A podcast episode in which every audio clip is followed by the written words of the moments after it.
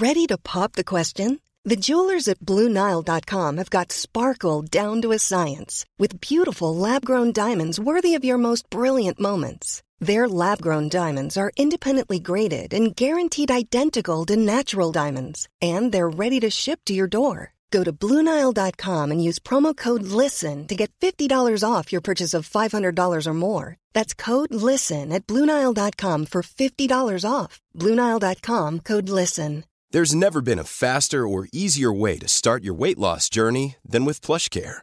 PlushCare accepts most insurance plans and gives you online access to board-certified physicians who can prescribe FDA-approved weight loss medications like Wigovi and Zepbound for those who qualify.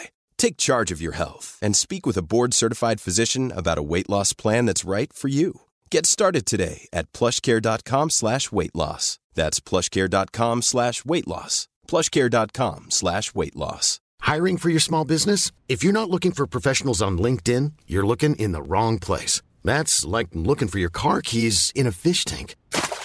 LinkedIn helps you hire professionals you can't find anywhere else, even those who aren't actively searching for a new job but might be open to the perfect role. In a given month, over 70% of LinkedIn users don't even visit other leading job sites. So start looking in the right place. With LinkedIn, you can hire professionals like a professional. Post your free job on linkedin.com slash people today.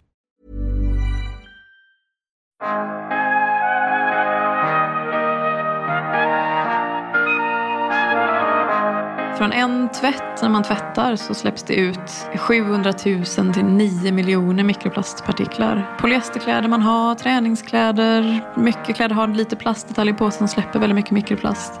Och i vissa reningsverk, till exempel i Sverige, så blandar man gråvatten, som det heter, som kommer från tvättmaskiner med svart vatten som kommer från eh, toaletter. Och då blir det ett slam sen som används som gödsel ut på fält.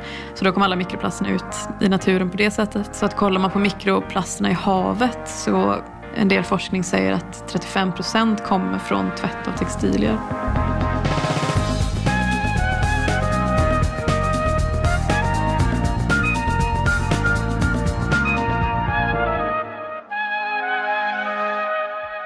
Hej och välkomna till podden Allt du behöver veta om ny teknik. Jag heter Per Danielsson. Veckans gäst är Isabella Palmgren, ingenjören och medgrundaren till teknikföretaget Mimbly. Mimbly har utvecklat en teknik för hållbara tvättstugor och det här har fångat svenska fastighetsägares intressen. Den här filterlösningen som både sparar vatten och energi och dessutom tar hand om mikroplaster kommer att tillverkas i en fabrik i Mariestad och ett hundratal av den så kallade Mimbly-boxen är redan beställda. Hur har det här gått till? Vilka utmaningar har det varit? Och varför är Isabella en av Sveriges mest intressanta unga entreprenörer? Det och mycket, mycket mer diskuterar vi i det här avsnittet. Hej Isabella, välkommen till podden Allt du behöver veta om ny teknik. Hej, jättetrevligt att vara här. Ja, och jag vill även passa på att säga grattis till att Mimbly är ett av Sveriges 33 mest innovativa och bästa startupbolag 2022. Tack så jättemycket. Jätteroligt att vi får med ett år till. Ja, innan vi börjar prata mer om dig då så kanske vi får en liten hisspitch. Vad gör Mimbly? Vad gör Mimbly? Vi tar fram hållbara tvättlösningar. Så att vi har tagit fram en tilläggsprodukt till professionella tvättmaskiner som återvinner vatten, återvinner energi och filtrerar mikroplast. Och professionella tvättmaskiner då finns oftast hos fastighetsägare, gemensamma tvättstugor, det är facility managementbolag, hotell, tvätterier och sådana typer av aktörer. Hur, hur stor är den här marknaden? Marknaden är ju väldigt stor. Det finns tvättmaskiner, professionella tvättmaskiner i alla fastigheter nästan. Ehm, även om det inte är lägenheter utan även kontor för man tvättar moppar och trasor och så vidare. Och eftersom att vi kan koppla på på alla existerande tvättmaskiner och alla som säljs nya så blir marknaden för oss väldigt stor. Har du någon siffra som kan säga storleken? I Sverige så finns det 150 000 professionella tvättmaskiner. Ehm, och vi kopplar antingen på en lite större maskin eller två maskiner samtidigt. Och utav de här 150 000 maskinerna då, hur många enheter har ni kopplat upp? Vi har nu försålt 110 enheter som nu börjar rullas ut här om två veckor. Så det blir jättespännande. Men 100 enheter, är det liksom enligt plan eller hur har det gått? ja, enligt plan. Det känns som att planen ändras hela tiden. Men eh, verkligen, vi har hållit på nu sedan 2017 som bolag och hade som projekt innan dess när vi liksom utvärderade vad vi skulle göra. Och eh, har gjort många olika iterationer av Mimboxen då, som vi kallar den för. Så vi har kört mycket betalda piloter och testat och ställt ut och tagit tillbaka och ställt ut igen. Men nu har vi kommit så pass långt att vi har liksom certifierat produkten och nu startar den, den riktiga produktionen. Mm. Så det ska bli spännande. Sen har det nog tagit längre tid än vi trodde när vi började bolaget. För vi, det här var ju första bolaget vi startade. Eh, och det är en väldigt egentligen komplex produkt även om den eh, när man pratar om den så försöker man förklara den på ett enkelt sätt. Ja, men vi kanske ska gå in djupare på den lite senare. Eh, men hur såddes då fröet till Mimbly? Ja, men det såddes när jag pluggade på Chalmers tekniska högskola. Så att jag är civilingenjör inom bioteknik. Men eh, har bott i många olika delar av världen tidigare. Eh, som barn bodde i Centralamerika och även som vuxen bott i Australien, Indonesien och gjort utbyten och så vidare. Och det har alltid varit väldigt mycket problem med vatten. Så att när vi, när vi startade som projekt då, så gick jag en utbildning som är inom entreprenörskap och affärsutveckling. Där man då startar ett bolag som exjobb. Vilket jag tror är ganska ovanligt. Eh, men då så kollade vi lite så hur vi använder vatten idag. Vi använder det till att dricka och vi använder det till att duscha och laga mat och sen använder vi det till tvätt. Och inom tvätt så finns det inte så mycket nya innovationer. Det finns mycket nya tvättmaskiner som kommer ut som är lite mer effektiva. Men det finns inte mycket startups i tvättmaskinspacet. Det finns några, få, men eh, det är inte mycket. Och det går väldigt mycket vatten till tvätt som man inte vet om. För jag tror att man tänker att det drar lika mycket som en diskmaskin. Men en diskmaskin är jätteeffektiv jämfört med en tvättmaskin. Vad är förhållandet mellan en tvättmaskin och diskmaskin? Ja, men en effektiv tvättmaskin kanske drar 50-60 liter, en hushållsmaskin. Eh, men kan dra upp till 200 liter per tvätt. Beroende på vilken modell du har. Eh, medan en diskmaskin kan dra 10 liter för en, en disk. Liksom. Um, och det är även professionella diskmaskiner. Vet, om, man fäller, om man har jobbat i storkök som jag har gjort. Då drar man ner en sån lucka som kör. Och där har man ju liksom kvar vattnet i flera tvättar. Så mm. de är också jätteeffektiva. Men hur kommer det sig att du har rest runt så mycket då, och bott på olika ställen? Nej, men min mamma är från Colombia eh, och pappa är från Sverige, eh, halvdansk men bor i Sverige. Eh, och han har bott mycket utomlands, jobbat mycket med Skanska och NCC, mycket olika byggen eh, när vi var barn. Så att då bodde han i Colombia några år och det var så han träffade mamma och sen flyttade de tillbaka till Sverige. Och sen flyttade vi iväg igen till ett nytt bygge i Honduras. Och så bodde vi där några år. Och de arbetade där och vi barn fick då gå på amerikansk skola och eh, lära oss engelska och spanska. Vi kunde lite spanska då eftersom att mamma pratade spanska med oss men inte, vi inte klarat oss själva på det språket. Så, så det var väldigt eh, läskigt tror jag när man är åtta och börjar en skola och inte kan kommunicera med någon. Eh, och sen flyttade vi till Panama, bodde vi där också eh, ett och ett halvt år tror jag det var. Med ett nytt bygge som de höll på med. Men vad har det här gjort med dig som person då? Mycket tror jag. Jag tror att det det var, allt var så osäkert. Liksom man fick bara lära sig och anpassa sig. Och man fick träffa nya kompisar. Man fick ju liksom helt nya kompisar hela tiden. Det var ju några svenska familjer som åkte med till eh, de olika länderna. Som man fortfarande har lite kontakt med idag. Ehm, så att det var Ja, det var ju väldigt roligt. Jag menar, jag tror inte det är så många som... Vi bodde ju i Panama och på helgen åkte vi till Costa Rica och gick i regnskogen. Liksom hade en väldigt rolig barndom tror jag. Eh, väldigt spännande. Vi var ju alltid ute i naturen och letade efter olika djur och fåglar. Och, ja, det var, det var väldigt bra tider. Men, men hur hamnade du i Göteborg och på Chalmers då? Ja, men vi flyttade tillbaka till Göteborg. Eh, pappa har pluggat på Chalmers när han var ung. Och även brorsan har pluggat på bioteknik på Chalmers. Så att det var det var nog inte helt klart att jag skulle plugga där. Jag läste gymnasiet på Polhemsgymnasiet i Göteborg och hade en jättebra lärare inom bioteknik som uh, bästa läraren jag någonsin haft. Och då så kände jag, ah, men jag, jag hoppar på bioteknik, det var så roligt på gymnasiet. Och då körde jag den första kandidaten där. Men sen så när man valde master så kunde man då välja den här entreprenörskapsmastern. Och då gjorde jag först ett utbyte i Indonesien inom bioteknik och sen så nej, nu vill jag göra något annat. Inte bioteknik bara. Så då blev det entreprenörskap. vad var det som lockade med entreprenörskapet då? jag tror liksom osäkerheten kring det och skapa någonting nytt och skapa något eget var nog en stor liksom, en pusselbit tror jag. Men även att, att lösa ett verkligt problem och liksom ett socialt yrke. Jag tror inom, inom bioteknik så är det ju mycket, mycket forskning och mycket labbarbete. Och min bror är forskare inom bioteknik och jobbar på Astra och så. Och det kände jag, nej det är inte min det är inte min grej. För att jag är inte tillräckligt intresserad. Eh, Medan han är svingrym på det. Men jag kände att jag behöver göra någonting annat. Något bredare där man kan lära sig mycket nytt. Och liksom, ja, göra vad som helst egentligen. Som mm. blir lite som entreprenör. Men det var du och eh, vilka fler var det som satt och skissade på den här idén då? När vi bolagiserade, så att när man går den här utbildningen så bolagiserar man med klasskamrater egentligen. Eh, så att det gjorde vi i början men sen de som har varit med nu i, i fem år så var vi Nikolas Maxant eh, som jag pluggade med och även min medgrundare Emil Westman då, som fortfarande är aktiv i bolaget idag.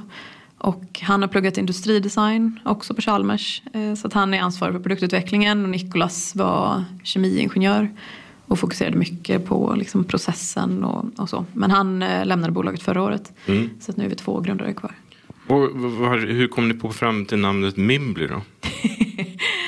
ja, vi ville heta något som inte hade med, med, vatten att göra. För jag tror att i början så vet man inte riktigt vad man ska göra och man tänker att man kanske behöver iterera någonting helt galet. Och då så så att vi, ville, vi kollade mycket på biomimicry när man anpassar sig efter miljön och vi tänkte nog lite de andra bolagen som FIA någonting, alltså Mimblify eller något och vi ska Mimblify laundry rooms. Och sen blev det bara Mimbly tror jag. Egentligen betyder det ingenting. Men det gick igenom hos Bolagsverket i alla fall? Det gick igenom ja. och det gick att trademarka. Då, 2017 så skapade ni bolaget. Eh, skisserna som ni hade på er produkt då, hur, hur, såg de ut då jämfört med hur, där ni är idag? Oj, väldigt annorlunda. Jag tror att vi, vi trodde att, vi var, liksom, att man kom så himla långt där i början. Så att i början så var det mer, kan vi ta vatten från en annan vattenkälla än, än kranvatten tillbaka till tvättmaskinerna? Och bara se, så går det att återvinna vatten? Och det gick. Ehm, och sen började vi jobba med RISE mycket i början för att liksom avgöra vattenkvalitet och ta fram olika parametrar till det. Och sen blev liksom filtreringen nästa steg så det blev utmaning på utmaning tror jag i, i hur man löste detta. För vi hade ingen teknik när vi startade bolaget utan vi hade ett problem som vi ville lösa och sen har vi tagit fram tekniken efteråt. Vilket jag tror är ganska ovanligt. Eh, utan att man brukar ha någonting som man börjar med. Men eh, så att vi har utvecklat eh, hela produkten därefter. Och det är med forskare, med konsulter och med teamet inhouse. Så vi har tagit fram eh, ett filtreringssystem som fungerar i den här miljön. Vi har ett antibakteriellt system så att man kan lagra vatten till nästa dag. Vi har tagit fram egna sensorer, vi har tagit fram hela liksom, hur det här flödar. Och en, vi har även en egen luddlåda bakom tvättmaskinerna som är som ett, ett förfilter men som kan rengöra sig självt och lite sånt. Så det, tekniken liksom spinner vidare och vidare och där tror jag man kan utveckla i all oändlighet för det finns så mycket man kan göra. Men nu har vi liksom stannat av lite för nu ska vi lansera den första och sen kan vi effektivisera den efteråt. Nu är det 2022, ni börjar 2017 och nu står ni liksom, är ni redo att börja rulla ut produkter. Det är ändå ganska lång tid som det har kostat pengar att driva företaget. Vad har ni fått pengar och hur mycket pengar har ni fått in? Nej, verkligen. Det kostar mycket pengar. Och jag tror speciellt när man är ett hårdvarubolag som ska ta fram en hel produkt. Alltså det, är ju, det är en del plastdetaljer, det är en del eh, liksom, rostfritt stål. Och jag tror att det rådet alla ger är att det tar tre gånger så lång tid och det kostar tre gånger så mycket. Att man ska alltid ha med sig det. Och så tänker man så nej det kommer det inte göra, inte för oss. vi kommer klara hela vägen. Men eh, så att vi fick in första två åren så försökte vi få in alla mjuka medel vi kunde. Så att det var stipendier, det var små bidrag, det var prispengar, olika tävlingar och sånt. Så att vi fick in ja, men kanske fyra miljoner eh, på det sättet. Och det gjorde att vi kunde bygga en första prototyp som var verkligen prototyp. Egentligen kanske man borde tagit in pengar tidigare och så men vi, vi ville gärna bootstrappa och få fram en teknik som fungerade någorlunda. Så att då, eh, det var mycket resor till Bauhaus och Jula och Biltema och det var, det var allt möjligt i den här produkten. Och sen så tog vi in en investeringsrunda 2019 som var den första equity-rundan. Och då tog vi in 8,5 miljoner kronor i equity eh, från sex olika investerare. Och eh, sen så motfinansierade vi de pengarna mot ett EU-bidrag 2020. Så att då fick vi in ett EU-bidrag och även eh, bidrag från Energimyndigheten. Så att då fick vi in 25 miljoner tror jag det var, eller någonting sånt 2020. Så att det är de pengarna som har tagit oss nu hela vägen till kommersialisering. Och det kan nog låta mycket. Jag tror hade man varit bara mjukvarubolag så hade man nog kommit väldigt långt på alla de pengarna. Men för oss så blir det att ska vi göra ett nytt kretskort så kostar det några hundratusen kanske. Och ska man, eh, vi måste göra om olika tankar, kanske i plast. Och det ska, vi försöker ju använda mycket prototypverktyg och så för att kunna göra olika detaljer. Eh, mm. För att inte lägga mycket pengar på hårdvaruutveckling. Men det, det kostar väldigt mycket. Men om vi tittar då på den här BIM-boxen och de olika delarna i den. Kan du berätta, vilka delar är det och vad tillverkas det någonstans idag? Vi producerar allt i Mariestad, eller där har vi all montering. Så det är ett bolag som heter Prodma som gör monteringen åt oss. Och de, det är en gammal Electrolux-fabrik som köptes loss för några år sedan. Och nu bedriver de liksom legoproduktion och producerar till lite olika varumärken. Och, men mycket inom vitvaror. Så att det var en gammal kylskåpsfabrik och det är fortfarande expertis mycket inom, inom kylskåp. Eh, så där eh, gör vi montering och sen försöker vi ha mycket komponenter som, är, som finns. Alltså mycket valv och pumpar och sånt som finns. Så att vi tar inte fram egna eh, komponenter på de bitarna. Men sen har vi egna komponenter såklart inuti. Det är liksom en del av filtreringssystemet och vattentankar och, och så vidare. Som vi producerar på annat håll och som liksom skickar dit. Men vi försöker producera allt i Sverige. Sen har vi några få leverantörer från Europa. Men eh, annars försöker vi göra allting lokalt. Och det är ju av många anledningar. Mycket hållbarhet för att vi vill ha det nära och vi vill ha bra arbetsvillkor. Men sen tror jag också att med alla kriser som har hänt de senaste åren. Att man märker liksom leveranstider är helt galna och komponentbrist är någonting som påverkar alla hårdvarubolag. Så att det, har varit, det har varit väldigt bra att vi valde att göra det i Sverige för oss. Har, har du gjort några stora tankevurpor på de här åren? Tankevurpor? eh, ja, jag tror att vi tänker nog om mycket. Jag tror liksom första som var liksom den stora iterationen var kanske 2017 när vi inte visste om vi skulle göra B2C eller B2B. Så skulle vi göra en konsumentprodukt eller en eh, professionell produkt. Och vi var med i Ikeas accelerator 2017. Så att då började vi kolla in på en konsumentprodukt och byggde en liten minbox som vi ville göra och så. Men kom ganska snabbt fram till att om vi ska göra en konsumentprodukt som är ganska komplex så behöver vi göra det med en partner för att kunna få ett pris som funkar för konsumenter. Så då vände vi om till professionella sektorn. För att det är där man, man använder också väldigt mycket mer vatten där, mycket mer energi det släpps mycket mer mikroplast. Så att om vi vill impacten som är liksom eh, core för oss så är det det spåret vi ska gå på själva. Sen kan vi göra konsumentprodukter med partners, så licensiera ut teknik eller produktutveckla tillsammans och så. Men det var väl en stor eh, ändring i kanske bolagsriktning och sånt. Men, men eh, hur stort är problemet och utmaningen med mikroplaster egentligen? Mikroplaster är...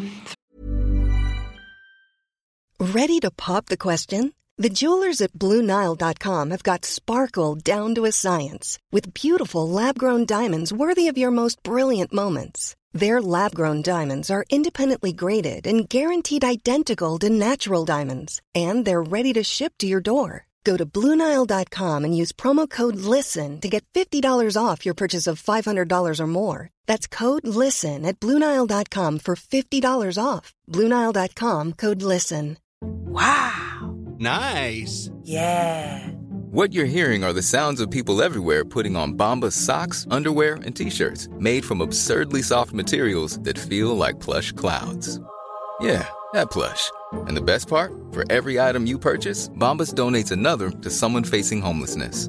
Bombas, big comfort for everyone. Go to bombas.com slash ACAST and use code ACAST for 20% off your first purchase. That's bombas.com slash ACAST, code ACAST. Hiring for your small business? If you're not looking for professionals on LinkedIn, you're looking in the wrong place. That's like looking for your car keys in a fish tank.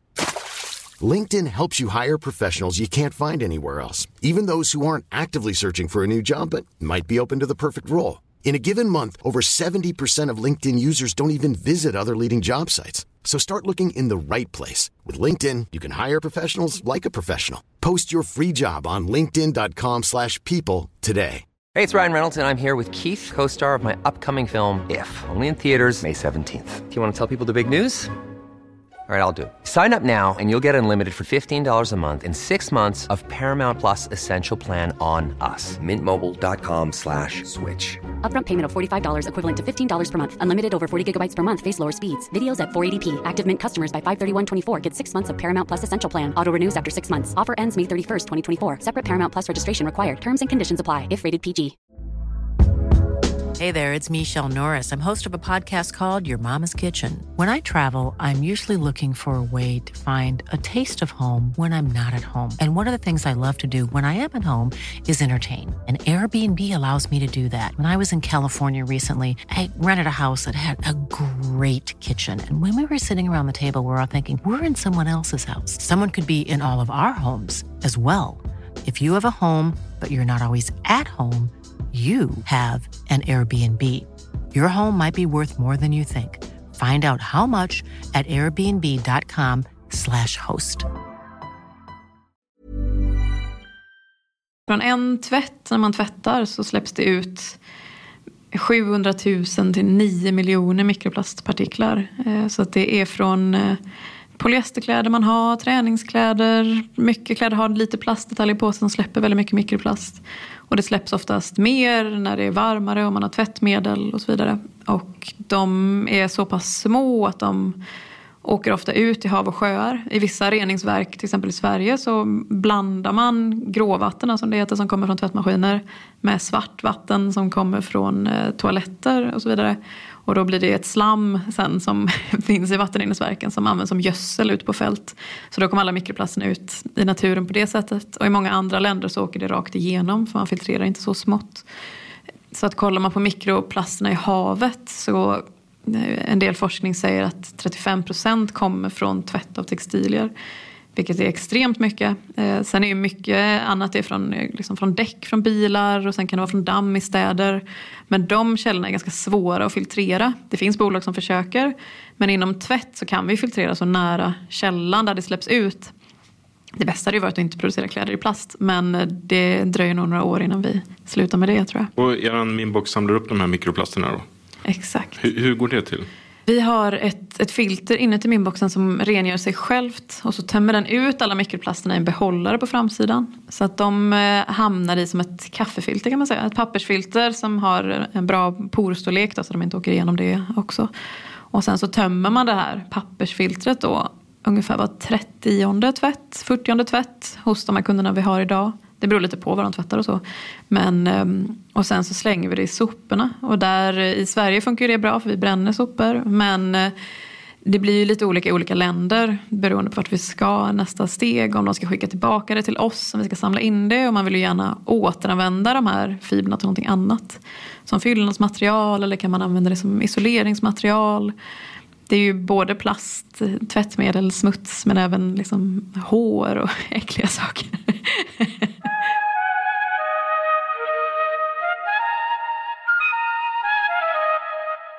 Du sa andra länder. Vad, vad tittar ni på? Vi tittar på att växa med, med kunderna ut i fler länder. Så att vi har många kunder nu som är internationella, som är aktiva i Norden eller Europa. Där det finns mycket intresse från deras eh, liksom hyresvärdar eller från deras kunder att installera Men kan, kan du ge exempel på en sån kund? Eh, Core till exempel, som jag jobbar med idag, som är ett facility managementbolag. De är aktiva i Norden och lite i andra länder utanför Norden. Där de har kunder i, i Norge och Danmark till exempel. Där vi hade kunnat växa med en sån typ av kund. Vilket eh, är det bästa för oss egentligen. För att då är det en kund som vi har jobbat med tidigare. Som förstår produkten. Så att vi kan utbilda personal internt och så vidare. Så det är liksom det första vi tänker vi ska göra när vi växer utomlands. Men sen är det även mycket områden där det är mycket vattenbrist. Det är både att vatten kostar väldigt mycket pengar men även att det inte finns något vatten. Och då kan en sån här produkt göra att man faktiskt kan tvätta en extra gång eller tvätta två maskiner när man behöver. Och det blir också ett incitament för, för kunder i de marknaderna. Och det blir ju, även i Sverige märker vi ju att vi har vattenbrist. Gotland till exempel har ju jättemycket problem med vatten längs kusterna. Men ifall man jämför det med vissa ställen i kanske Spanien och Portugal och kollar utanför Europa, liksom Sydafrika och Kalifornien och Indien, där är det ju extrem vattenbrist. Utav de här då, vad sa vi, 100 enheterna som är på väg ut. Hur, hur är de fördelat på kunder? Är det 10 kunder, 5 kunder, en kund? Det är runt 30 kunder. Eh, så det är vissa som har köpt 20 enheter och vissa som har köpt två enheter. Så det är lite blandat. Vi har kört eh, betala piloter innan och alla de pilotkunderna har gått vidare nu och köpt system i den här Men, men köper man den som produkt eller köper man den som en tjänst? Som månadsbetalar man eller? Både och. Mm. så man köper själva hårdvaran som en produkt eh, och sen så betalar man då återkommande för service, data och pappersfilter. Så det finns en eh, molnplattform kopplad till det här såklart? Det finns det. Så vi har eh, väldigt många sensorer i produkten som skickar upp till molnet och sen har vi olika typer av inlogg för kunderna. Där man, om man är servicetekniker kan logga in och se det som man behöver se och sen så kan hyresvärden också logga in och se vad den behöver se och kanske bolaget vill se alla minboxar som är ute i fältet och hur mycket de har sparat och om man vill dra ut eh, data till ESG-rapportering till exempel. Men är det också så att den larmar, nu är filtret fullt här, nu måste den ut och tömma? Den, den larmar om allt eh, som, som kan uppstå. Eh, är det någonting som händer med den som är, eh, så att den inte fungerar som den ska så stänger den av sig och så fortsätter man tvätta med kranvatten.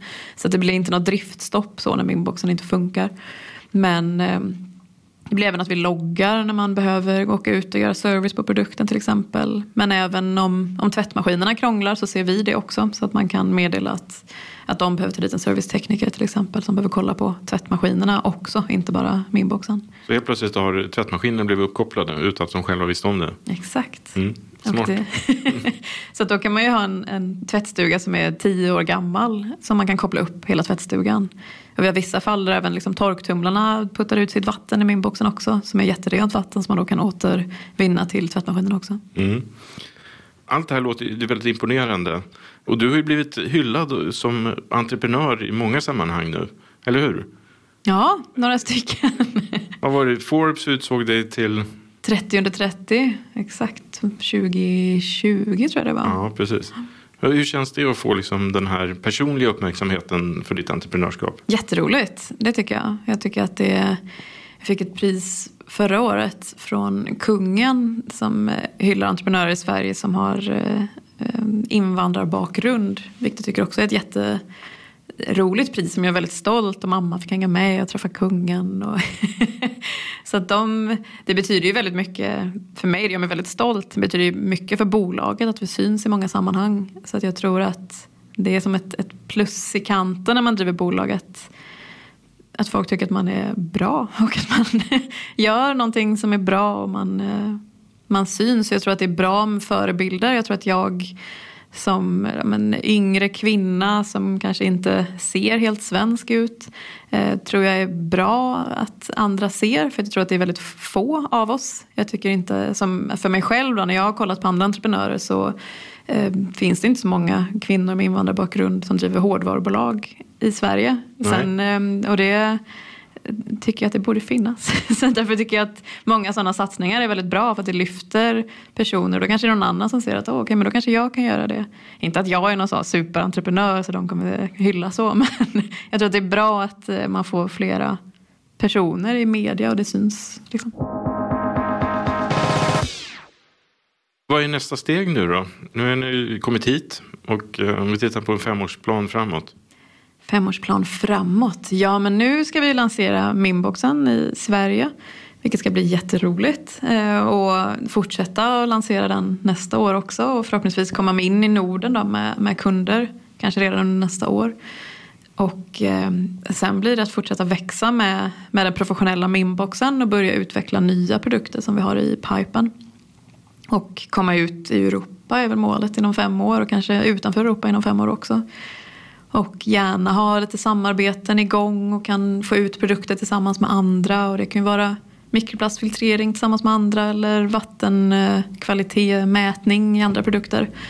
Så att, och, att vi har ett bolag med medarbetare som trivs, som tycker att det är roligt att jobba med oss. Det, att vi har en bra kultur i bolaget tror jag är jätteviktigt. Att, hur många är ni idag?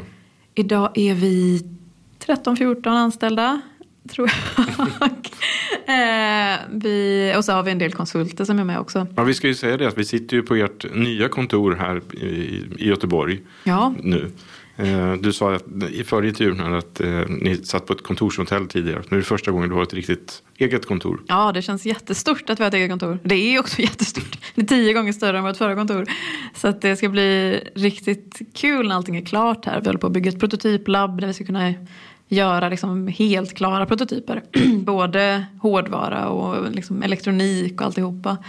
Och att vi alla sitter tillsammans. Jag tror att leta kontor med, med kraven som vi hade, att vi var tvungna att ha vatten, vi var tvungna att ha brunnar och trefas. Det är ovanligt. Vi kollade på mycket konstiga lokaler. Och så vi ville gärna sitta någorlunda centralt. Så att det här, nu sitter vi i, i gårdar, i gamla syfabriker här. Så det Mm. finns lastkaj och hela, hela paketet, vilket är jättebra för oss. Om ni tittar på era produkter och så vidare. Certifiering är alltid sånt där, ett steg som man måste igenom och ta. Hur, hur var det för er del? Ja, det är ju ett, ett stort steg. Speciellt när man produktutvecklar kanske man inte riktigt vet om den kommer låsas så som den är. Man måste skriva en manual som har med allting i produkten och man måste testa systemet på lite olika sätt. Eh, och det måste man ju göra med de nya uppdateringarna. Så nu håller vi på att testa systemet igen för eh, lite olika typer av tror det är elsäkerhet och så är det strålningssäkerhet ur kretskort och så vidare. Så det håller vi på med nu och eh, manualen är klar. Och det är ju, liksom, det är ju i princip om man köper andra produkter, man får en sån tjock manual som man aldrig läser.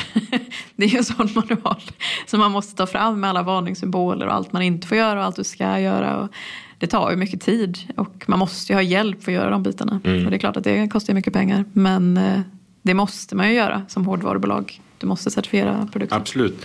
Har ni patent på era lösningar? Ja, vi har eh, ett gäng patent. Så vi har eh, sju patentfamiljer och så har vi lite över 20 godkända patent hittills. Och står du på dem också? Nej, jag står Nej. faktiskt inte på dem. Eh, Jag medvetet vill att de som är med och utvecklar det ska stå på dem. Jag tror att jag, jag har varit med mycket liksom i idésammanhang och vi borde göra så här och att det här är det vi vill att produkten ska göra.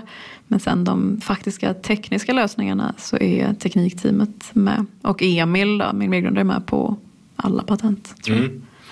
Om du skulle ge ett råd till dig själv och backa tillbaka eh, till 2017. Vad, vad skulle du säga då med det du vet idag?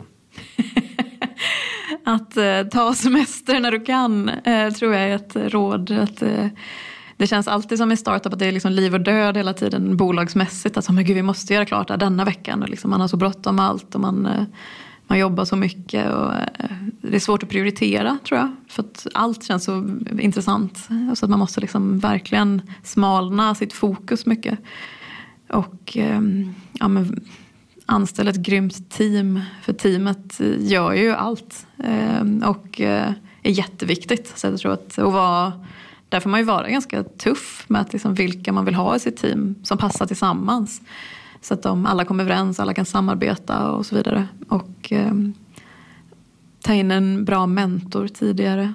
Men har, har du skött all rekrytering själv av de här personerna? Då? Än så länge har jag varit med i alla rekryteringar. Men Nu- är det så, så, har, du, har du gått ut och handplockat dem eller har ni haft annonser ute? Nej, vi har haft annonser ute. Eh, vi har väl kanske någon som vi kanske inte haft annons. Men eh, vissa har vi haft liksom 400 sökande eh, för vissa roller. Och vissa roller är ju mycket svårare att hitta. Så det är väldigt blandat. Men jag har alltid varit med i liksom en sista intervju och liksom pratat med dem. Och då kanske det inte bara är kompetens och vad man har pluggat, vad man har erfarenhet kring. Utan ja, men är man bekväm att arbeta på engelska till exempel? Är man bekväm att jobba i ett team där det är blandat liksom med kön och läggning och religion och så vidare. För att det, det måste man kunna göra om man ska jobba i vårt team. Och det är klart att där eh, säger väl de flesta ja, för man vill kunna vara väldigt öppen. Men, och det kan vara små saker som kanske inte klickar bara. Och man måste kunna samarbeta på samma sätt och ha liksom lite samma vilja att samarbeta. Ehm, och Jag tror att i startup-världen så är det väldigt olika kultur olika bolag. Vissa har ju stenhård kultur och liksom jobbar dygnet runt. och det funkar ju en, en period tror jag. Alltså det kan, man kan cruncha i några veckor. Men sen måste man liksom kunna ta ner det lite för annars kommer ingen klara sig. Och då kommer inte ingen vill stanna kvar om man ska Och våga ta semester? och våga ta lite semester, säger jag som aldrig tar semester. Men eh, jag tror att det är väldigt viktigt. Det Mm. kan vara liksom man är borta en långhelg men eh, jag tror att man, man måste kunna försöka koppla av och göra lite grejer utanför jobbet också. Till sist då, om du skulle ge råd till Chalmersstudenter, framför, kanske framförallt då kvinnor som sitter och funderar på att ska jag bli entreprenör eller inte? Vad, vad säger du till dem? Det är klart att ni ska bli det, tycker jag. men jag tror att, eh, ja men fundera varför kanske man vill bli entreprenör och jag tror att det är klart att man ska ha en bra idé och så vidare men jag tror att det, det tar ett bra tag att liksom få ett bolag up and running och att hitta en bra parhäst eller liksom ett bra grundteam som är villiga att lägga ner fem år åtminstone liksom för att starta upp ett bolag. Och sen bolla med andra entreprenörer. Alltså innan man ens startar, käka lunch med lite entreprenörer, fråga om man kan ta en kaffe, komma förbi, liksom bara få fråga lite frågor. Så, så man får lära sig och få lite insyn innan man startar. Och inte, man vill ju undvika så mycket misstag som möjligt. Det går ju inte, det kommer ju hända oundvikligt. Men eh, ja, bredda nätverk, gå på mycket startup-event och sånt. Lyssna in och se, känna efter ifall man vill det efter det. Och så. Men man kanske inte behöver bli entreprenör, man kan ju också bara vilja jobba i startupvärlden. Det vi ser ju det att nu gick din bror, han har gått till storbolagsmiljön och du hamnade på startup-scenen. Och tittar man runt omkring så är det väldigt tufft för många etablerade industribolag och teknikbolag att rekrytera. Folk, eh, unga människor vill in i startupbranschen. Varför är det så tror du? Jag tror att det är mer spännande. Det är, man får också forma sin roll mycket mer. Man får anpassa sin arbetstid mycket mer. Och att allt man gör får ju direkt inverkan i bolaget. Eh, att det, det syns mycket mer, tror jag. Eh, jag hade nog haft svårt att jobba i ett storbolag eh, i vissa roller. Sen vissa roller tror jag är säkert jätteroliga i storbolag också. Jag har många vänner som jobbar i storbolag. Men jag tror att det, det tar ju längre tid att få igenom något. Det är liksom en struktur som man måste igenom och så vidare. Så att, eh, jag förstår att man vill vara anställd i ett startup. Då slipper man kanske också den här pressen som, som grundare har. Att man liksom alltid måste eh, komma lite längre. Um, så det, ja, jag tycker det är roligt att jobba i startups. Då avslutar vi där. Stort tack för att du var med i podden. Tack så mycket för att jag fick vara med.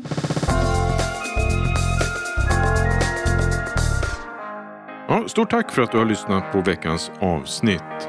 Gör som många andra och klicka på prenumerera så missar du inget avsnitt. Och har du frågor eller funderingar får du jättegärna mejla till redaktionen nyteknik.se.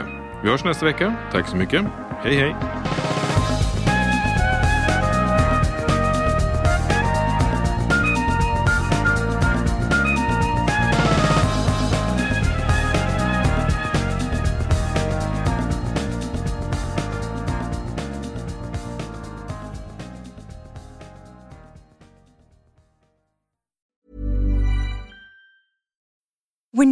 Mealtime inspiration, it's worth shopping Kroger, where you'll find over 30,000 mouthwatering choices that excite your inner foodie. And no matter what tasty choice you make, you'll enjoy our everyday low prices, plus extra ways to save, like digital coupons worth over $600 each week. You can also save up to $1 off per gallon at the pump with fuel points. More savings and more inspiring flavors make shopping Kroger worth it every time. Kroger, fresh for everyone. Fuel restrictions apply.